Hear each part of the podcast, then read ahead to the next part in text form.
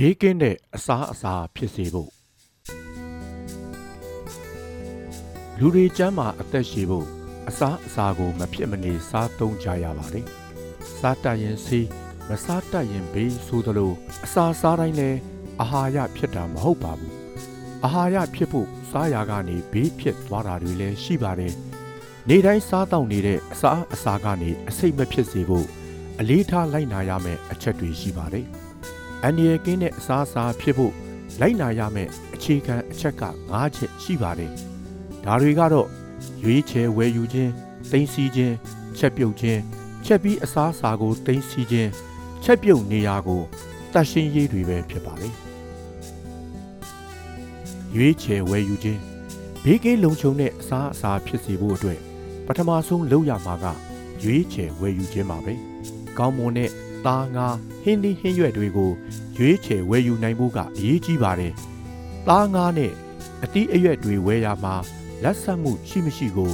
မူလအယောင်ရှိမရှိမျက်မြင်စစ်ဆေးနိုင်ပါတယ်။ငါးပစုံတွေလက်ဆက်မှုရှိမရှိကိုအယောင်ကိုတတိထားကြည့်ဖို့လိုပါတယ်။ဟင်းဒီဟင်းရက်တွေအမက်လွန်တာရှိမရှိကိုလည်းအယောင်ကိုဂယုစိုက်ကြည့်ဖို့လိုပါတယ်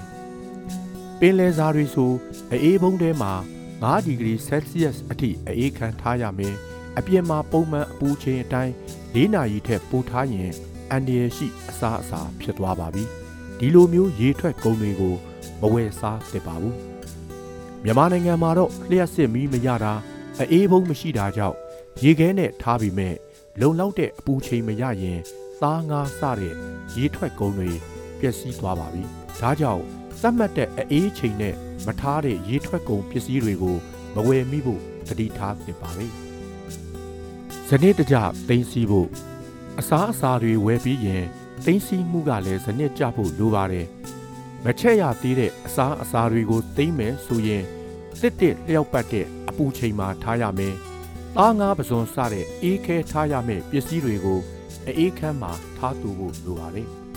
ရေခဲတစ်တာတဲ့သိမ်းမယ်ဆိုရင်အသားငါးဟင်းသီးဟင်းရွက်စတဲ့မတူညီတဲ့ပစ္စည်းတွေကိုတီးခြားစီခွဲထားရပါမယ်။ဟင်းသီးဟင်းရွက်တွေကိုအေးခဲစေတဲ့နေရာမှာထားမယ်ဆိုရင်လည်းပျက်စီးစေပါတယ်။စိုးထိုင်းစာများတဲ့နေရာနဲ့လုံလောက်တဲ့အေးဓာတ်မရတဲ့နေရာတွေမှာဆိုရင်ဘက်တီးရီးယားပေါက်ဖွားစေပါတယ်။ဒါအပြင်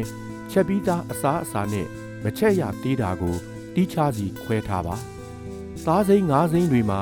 ယောဂပိုးတွေရှိနိုင်လို့ချက်ပြီးသားအစားအစာနဲ့ရောထားမယ်ဆိုရင်အန္တရာယ်ရှိနိုင်ပါတယ်။အေးခဲနေတဲ့အသားကိုပုံမှန်အပူအချိန်တိုင်းပြန်ရဖို့အပြင်ထုတ်ထားမယ်ဆိုရင်၄နာရီထက်ပိုမထားသင့်ဘူးလို့ဆိုပါတယ်။ဒါကြောင့်အေးခဲအသားကိုအပြင်မှာအကြာကြီးထုတ်ထားပြီးမှချက်ပြုတ်တာမျိုးကိုတတိထားရှောင်ရှားရမှာဖြစ်ပါတယ်။ဒါအပြင် စက်ယုံထုတ်ပစ္စည်းတွေသုံးဆွဲတော့မယ်ဆိုရင်တက်တန်းကုံဆုံးရက်ကိုအမြဲစစ်ဆေးရပါမယ်။တက်တန်းကုံအစားအစာတွေကဘေးဥပတ်ဖြစ်စေတဲ့အတွက်မစားသင့်တော့ပါဘူး။ပိုးမွားကင်းတဲ့အစားအစာဖြစ်ဖို့ချက်ပြုတ်ရမှာဘက်တီးရီးယားပိုးမွားတွေတည်သွားအောင်ချက်ပြုတ်ရမှာဖြစ်ပေမဲ့ဟင်းချက်ဆရာတွေမှာပါဝင်တဲ့ဗီတာမင်ဓာတ်တွေမပျက်စီးသွားဖို့လည်းလိုအပ်ပါတယ်။ မကြက်တကြက်ချက်စားတာတွေကပိုးမွားတွေမတည်သေးတဲ့အတွက်အန္တရာယ်ရှိနိုင်ပါတယ်။ပုံမှန်အားဖြင့်ပိုးမွားသေးအောင်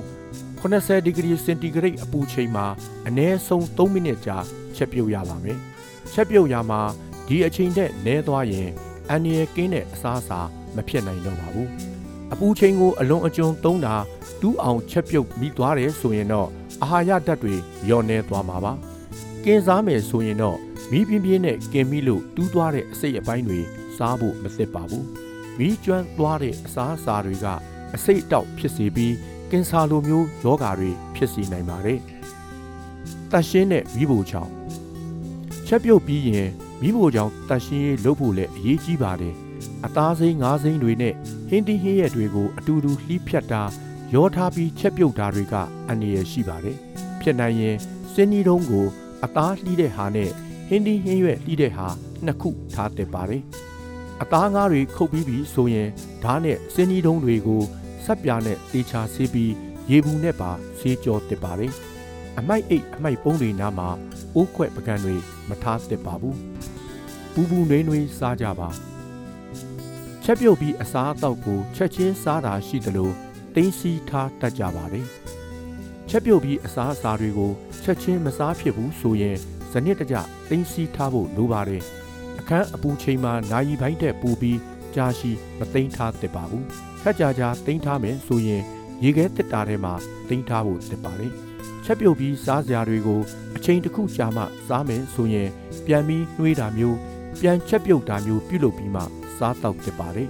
အစားအသောက်တွေကိုနှွေးပြီးစားမယ်ဆိုရင်85ဒီဂရီစင်တီဂရိတ်အထက်မှာပြန်ပြီးအပူပေးရမယ် ပူပူနွေးနွေးအစားအသောက်တွေကသာကျန်းမာရေးအတွက်ပိုမိုသင့်လျော်ပါတယ်အစာလဲဆေးဆေးလဲအစာဆိုသလိုဘေးကင်းတဲ့အစာအစာတွေကိုစားသုံးပြီးကျန်းမာတဲ့ဘဝတစ်ခုကိုတည်ဆောက်နိုင်ကြပါစေ။